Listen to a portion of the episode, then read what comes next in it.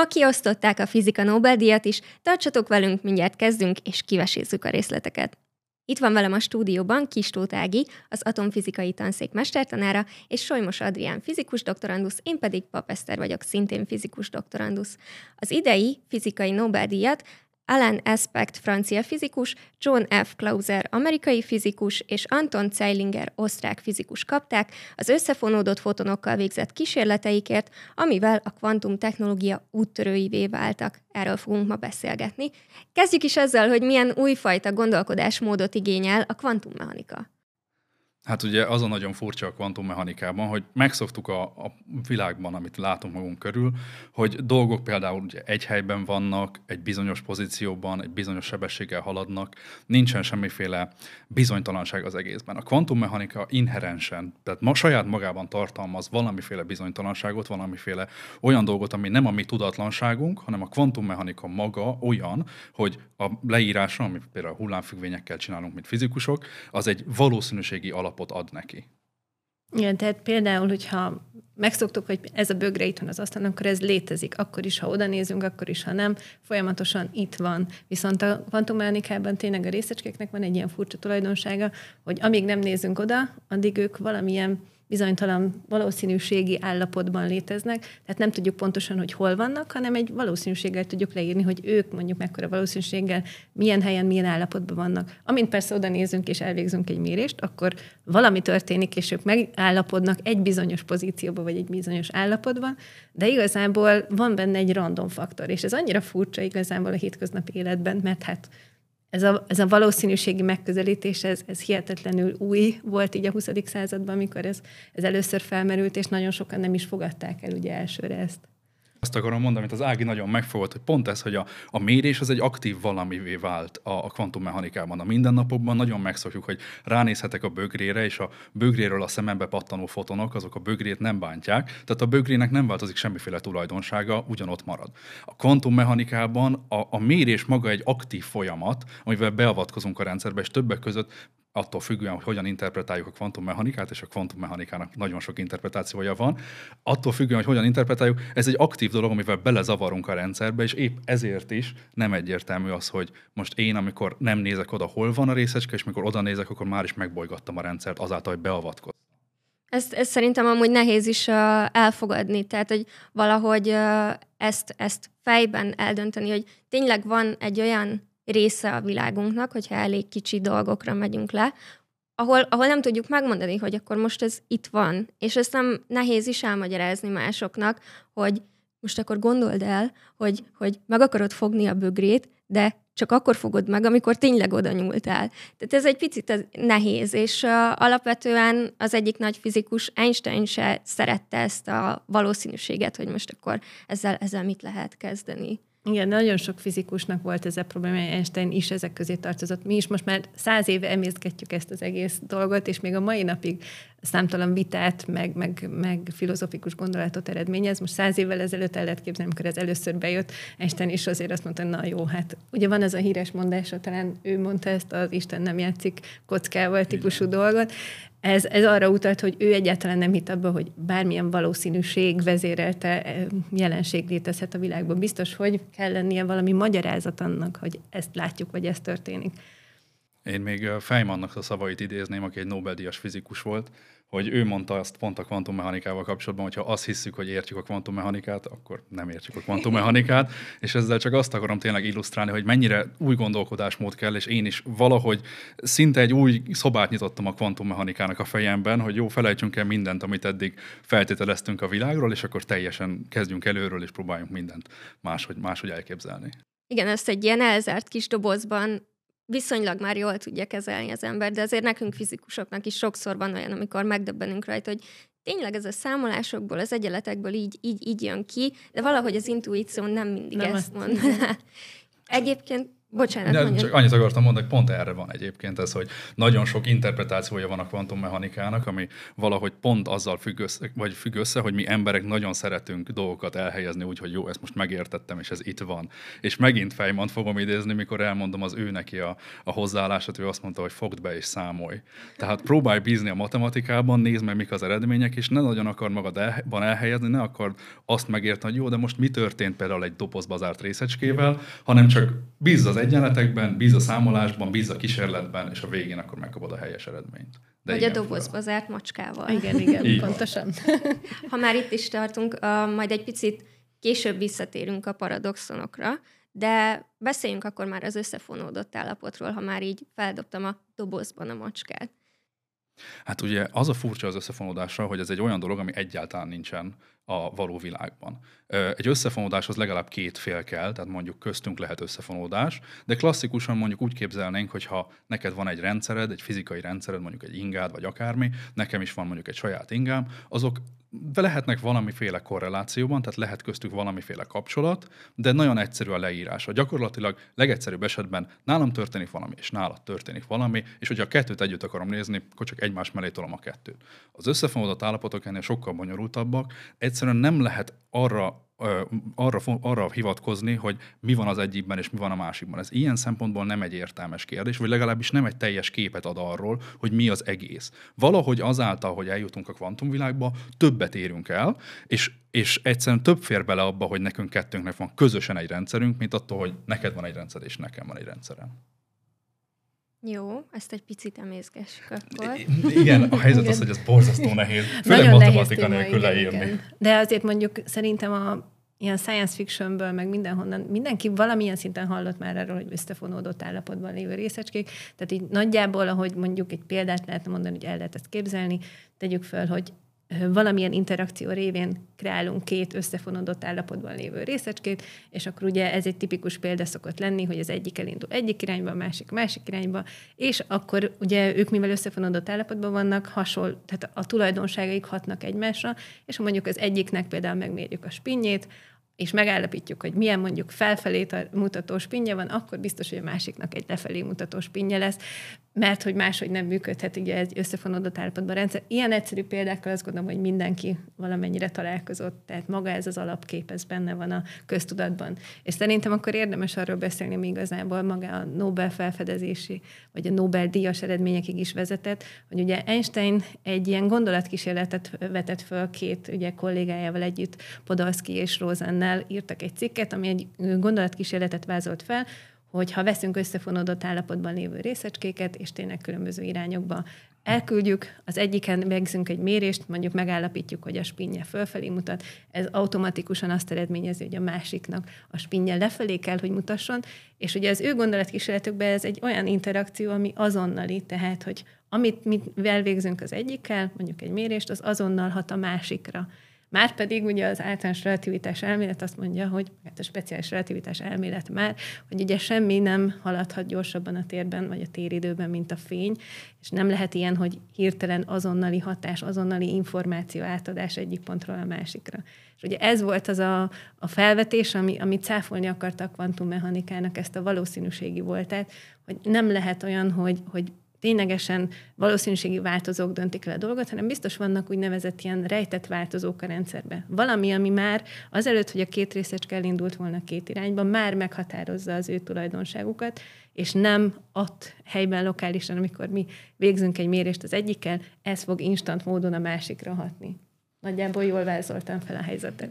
Körülbelül egyébként jó, igen. Ennél, ennél rafináltabb volt egyébként az Einsteinnek a gondolat, mert összefonódik egy másik nagyon fontos dologgal a kvantummechanikában, méghozzá azzal, hogy van ez a Heisenberg féle határozatlansági reláció nevű, nevű csodás dolog, ami, ami csak is a kvantummechanikában igaz, amit már említettem, hogy vannak dolgok, amiket például egyszerre nem tudhatunk egy, egy kvantumos részecskéről. Tehát például nem tudhatjuk, hogy egyszerre mondjuk hol van, és mi az impulzusa, vagy magyarul lendülete, ami gyakorlatilag az, hogy merre halad, és milyen a tömege, de ez most nem egy fontos dolog. A lényeg az, hogy az Einstein pont ezt a, a gondolatot használta ki ebben a paradoxon kimondásánál, és azt is megjegyzem, hogy nagyon fontos volt ez egy gondolatkísérlet, mert akkor ez megvalósíthatatlan volt. Szóval Einstein pont ezt használta ki, mert pont egy ilyen antikorrelált esetben vannak például a spinek, Tehát ez azt jelenti, hogy bármi, bármit is mérsz az egyiknél, a másiknál tuti az ellentétes eset lesz. Na most, amit lehet csinálni, hogy megméred az egyikben a spint így mondjuk, Viszont csinálsz egy olyan mérést, egy merőleges mérést a másik spinen, amitről tudod a kvantummechanikailag pont Heisenberg miatt, hogy egyszerűen nem lehet ezt a két mérést egyszerre elvégezni, mert hogy határozatlanság lesz, tehát hogy két, két, kétszer nem kaphatsz nagyon pontos eredményt. Ami történt, ami kiderült, hogy a, legalábbis a gondolat kísérletből, hogy de hát igenis megtehetnéd, hogyha nagyon-nagyon távol vannak, és még üzenetet se tudnak küldeni, mert hiszünk a speciális relativitás elméletben, ugye Einstein egyértelműen saját maga mellett voksolt, és egyébként igaza volt, nem nincsen semmi ilyesmi. Tehát a másiknál viszont mérünk egy merőleges mérést, és akkor mind a kettőről van egy eredményünk, ami a Heisenberg féle határozatlanság reláció miatt lehetetlen. És itt van egy ellentmondásunk és ez őt borzasztóan zavarta, és azt mondta, hogy aha, na igazam volt, mégse lehet ez a kvantummechanika olyan, mint hittétek, kell valami extraság, és ő ugye azt úgy fogalmazta meg, hogy, hogy a matematikai meg, leírás nem lehet teljes. Ugye nem ez történt, tehát rájöttünk arra, hogy nem ez a probléma, hanem, hanem az Einsteinnek tehát a, a, el kell fogadnia, hogy ez sajnos igenis így van, és fel kell adnunk azt, hogy van egy ilyen lokális realizmus, tehát hogy, hogyha eléggé eltávolodott két részecske, akkor hogy én úgy teszek, mintha azoknak már közük sincs egymáshoz. Ezt a fizikusok nagyon szeretik, vagy legalábbis gyakorlatilag mi is fiatalként így álltunk hozzá, hogy jó, ha bezárjuk a szoba ajtaját, akkor csak mi vagyunk itt, senki nem szólhat bele kívülről, és itt elvézünk egy fizikai kísérletet, az, hogy mi történik Hongkongban, senkit nem érdekel. Na most ez nincs így. A helyzet az, hogy vannak összefonódott részecskék, amik bármilyen távol is vannak egymástól, akkor is összetartoznak. Ez az érdekesség. Akkor ez a, ez a feloldása igazából magának ennek az egésznek, hogy, hogy hogyan ö, lehet össze hozni a specret, meg ezt az összefonódást, hogy tudnak kommunikálni egymással. De hát igazából nincsen kommunikáció, tehát a, a, igazából semmiféle beszélgetés nincsen, nem folyik a két részecske között. Azt kell feladnunk, hogy külön próbáljuk ezeket kezelni. Ezt el kell fogadni, hogy nincsen egyrészt egy ilyen rejtett ö, ö, változó mögötte, tehát nincs egy küls, külső forrás, ami megmondja nekik előre, hogy hogy kéne kinézni, de ezzel majd rátérünk a belnek az egyenlőtlenségére, ami pont ide tartozik, illetve az, hogy, hogy fel kell adnunk azt, hogy külön-külön vizsgálod őket, ezeket mindig közösen kell vizsgálnod. Igen, az, hogy ez most ellentmondás Petrelnek, vagy nem, ez szerintem egy jó kérdés, de erre térjünk vissza, hogyha már a többi részét átrágtuk a dolognak.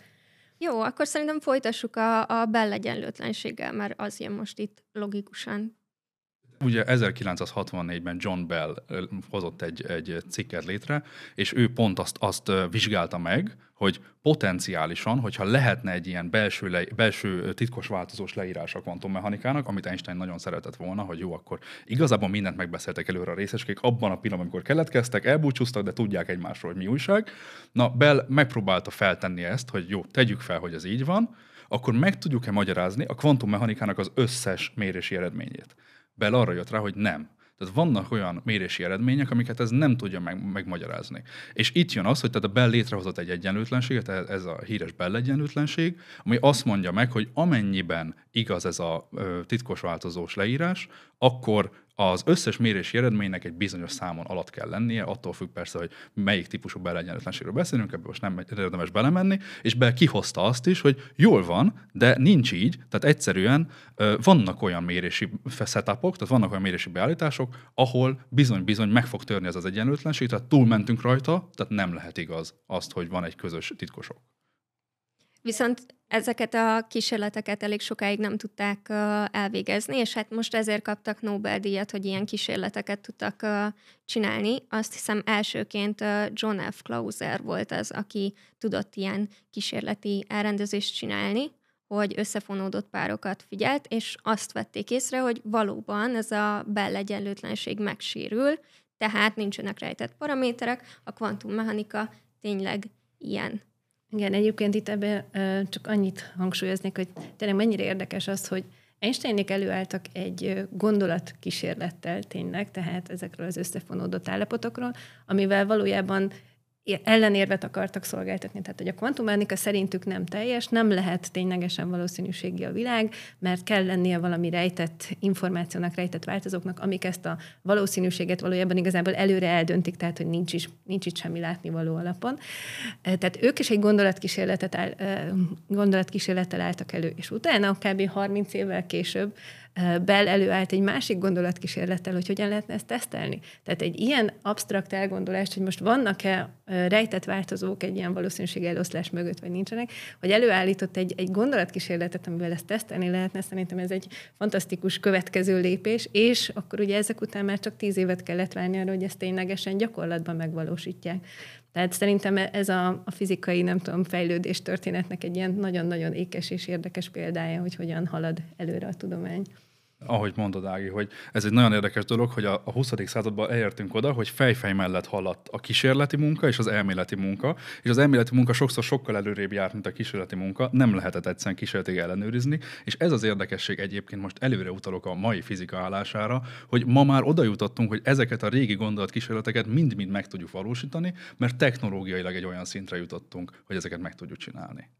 Igen, és akkor utána tényleg meg tudjuk mondani, hogy a kvantummechanika akkor így működik, és utána tudunk tenni mondjuk jóslatokat, hogyha ilyen rendszereket, kvantumos rendszereket akarunk építeni, mondjuk egy kvantum számítógépet, akkor az hogyan fog viselkedni. Tehát ezért is mondják őket a kvantum technológia úttörőinek. De még mielőtt ebbe belemegyünk, miért olyan nehéz egyáltalán összefonódott párokkal kísérletezni?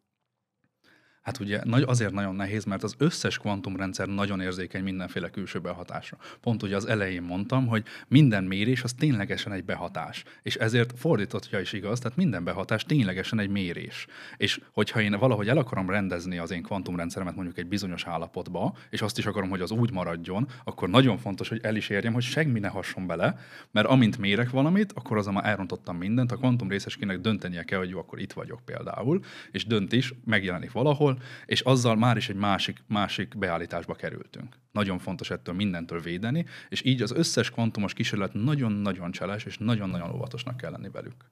Igen, nagyon nehéz ezt az összefonódott állapotot fenntartani, és egy ilyen párt például a nagy távolságokon vizsgálni. Nem csoda, hogy a kvantum számítógépeknél is a, a külső zajokat próbálják folyamatosan csökkenteni, hogy ettől megóvják őket.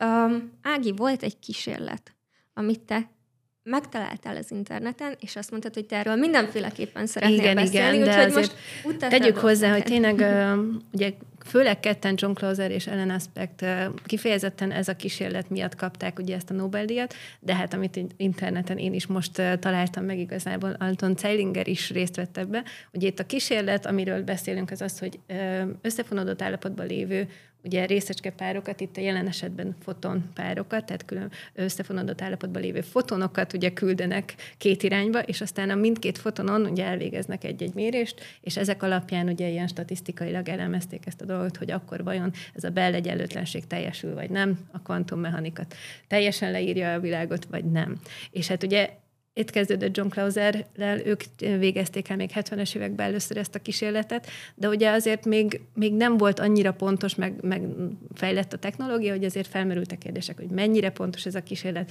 bele lehetett-e nyúlni valahogyan, vagy sem. És aztán utána például Ellen Aspect csinálta azt a továbbfejlesztett verzióját ennek a kísérletnek, hogy Mondjuk itt nagyon fontos, hogy a, a két detektor állása az milyen, mondjuk tegyük fel egy irányítást képzeljünk elő, milyen irányba állnak ezek a detektorok, és hogy ezt a két fotont, amikor így elküldik az összefonódott állapotban lévő fotonokat a két detektor felé, akkor legelején először még úgy volt, hogy a detektorok lettek először beállítva, majd a fotonok elindultak és megmérték őket.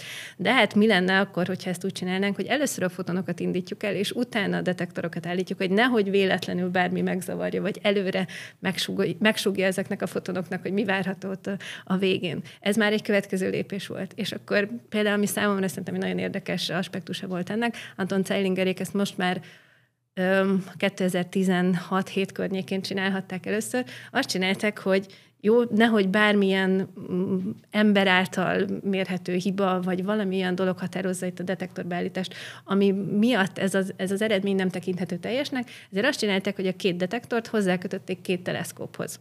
És a két teleszkópot két ellenkező irányban található csillagra irányították.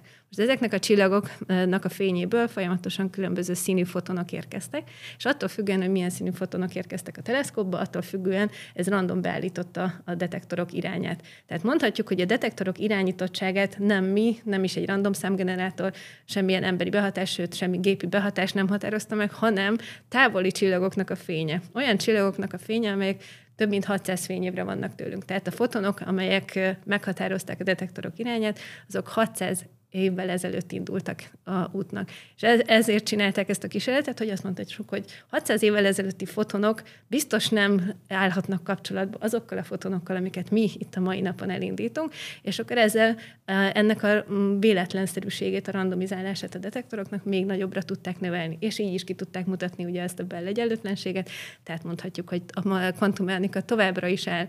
Ami egyébként érdekes, hogy még itt se álltak meg, még elvégezték még durvábban a kísérletet, úgyhogy nem csillagokra irányít, irányították itt a teleszkópokat, hanem nagyon távoli, hát ilyen milliárd fényév távolságban lévő kvazárokra. És akkor mondhatjuk, hogy olyan fotonok adták ezt a random faktort ebbe a detektor irányításba, amelyek milliárd évvel ezelőtt indultak neki. Hát most már azért ez tényleg durva lenne, hogyha milliárd évvel ezelőtti fotonok, és a most ugye összefonódott állapotban lévő fotonok között valami kapcsolat kimutatható lenne, az már tényleg nagyon rejtett változó lenne. Ahogy mondod, ez, ez tényleg az egyik legfontosabb rész az egész mérésnek, hogy a mérési beállítás az tényleg legyen véletlenszerű.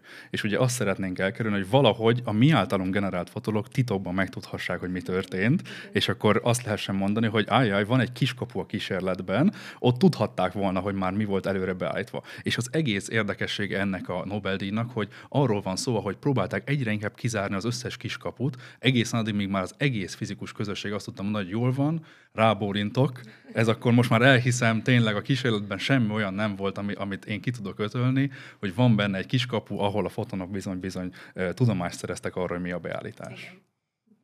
És ennek milyen felhasználásai vannak, sőt, előbb, előbb közelítsük meg onnan, hogy akkor az első két ember, akiről beszéltünk, Alana Speck és John F. Clauser, ők ö, csinálták ezeket a kísérleti berendezéseket, és bebizonyították, hogy tényleg meg, meg lehet sérteni a Bell egyenlőtlenséget. A kvantummechanika úgy működik, ahogy mi azt gondoljuk. És utána jött uh, Anton Zeilinger, aki meg uh, ezeket az összefonódott párokat, a pároknak a hát nem tudom, mondjuk azt, hogy, hogy az egyes darabjait, az egyes meg a kettes részecskét ö, egyre nagyobb és nagyobb távolságokba akarta vinni. De ez miért jó nekünk, Adrián? Hát ugye egyrészt van egy, egy alapkutatás szempontból egy fontos ö, dolog benne, hogy, hogy választ adnak a fizikus kérdésére, mi szerint akkor tényleg jó, nincs igaza az, az Einsteinéknek, tehát ez mégsem egy paradoxon, igaza van Bellnek, tényleg nem lehet minden kvantummérési eredményt magyarázni csak is rejtett változóval, ez nagyon fontos, de elismerem, hogy talán a nagy érdeműnek kevésbé lényeges, mi nagyon örültünk. Azt tudom még mondani, hogy manapság viszont az összefonódott állapotok, az összefonódott párok, azok gyakorlatilag egy nyersanyagot adnak az összes aspektusához az új kvantum technológiákhoz. Itt értem például a kvantum számítógépeket, vagy értem például a kvantum titkosítást, vagy értem például a kvantum kommunikációt. Ezekben mind-mind az, hogy vannak összefonódott párjaim, gyakorlatilag alapfeltételek, és mindegyik esetben ö, szervesen kihasználjuk azt, hogy milyen furcsa dolog ez az összefonódás mondjuk kettőnk között. És hogy írnád le a kvantum titkosítást, meg a kvantum kommunikációt valakinek? Hát például kvantum kommunikációban ö, arról lehet beszélni, hogy van például egy ilyen fogalom, hogy kvantum teleportáció. Ez azért nagyon érdekes, mert a manapság ugye a kvantum számítógépek és az összes ilyen kvantum technológia kihasználja azt, hogy a kvantum rendszerekbe más módon lehet információt tárolni, mint a klasszikus rendszerekben. Tehát ez egy teljesen új dolog, hogy mi most már kvantum információt tudunk tárolni. A kvantum információ felhasználása és a kvantum információra írt algoritmusok sokkal erősebbek mutatkoznak, mint a klasszikus információn és klasszikus algoritmusokon alapuló például számítógépek. Ez lesz majd az előnye, a nagy előnye a kvantum számítógépeknek. És akkor például egy kvantum kommunikációs probléma az lehet, hogy kettőnk között valahogy szeretnénk egy kvantum információt, tehát egy kvantum bitet, ugye ezt így hívják, hogy van a sima bit, és van a kvantum bit, ezt úgy hívjuk, hogy kubit röviden. Egy kvantum bitet szeretnénk mondjuk továbbítani, ami nálam van hozzád. Hogyan csináljuk ezt? Hát vagy jó esetben berakjuk egy dobozba és feladjuk postán, persze ez kicsit egy abszurd dolog, de mondtuk, hogy nagyon-nagyon érzékenyek az ilyesmik. Meg tudjuk csinálni azt is, hogy mi csak mondjuk klasszikusan beszélgetünk, tehát van közöttünk mondjuk egy sima csatorna, egy telefon vagy, vagy valami, és nál, van közöttünk viszont továbbá egy összefonott pár. Tehát az egyik fele nálam van, és a másik fele nálad van. És megbeszéljük, van egy ilyen közös beszélgetésünk az elején, hogy jó, ki milyen mérést kell, hogy elvégezzen, de én tudok, be tudom állítani az én páromat úgy, és aztán elmondani neked, hogy milyen méréseket végez, hogy te aztán a saját feledben, feledben megkapd ugyanazt a kvantum információt, amit én eredetileg közölni akartam neked.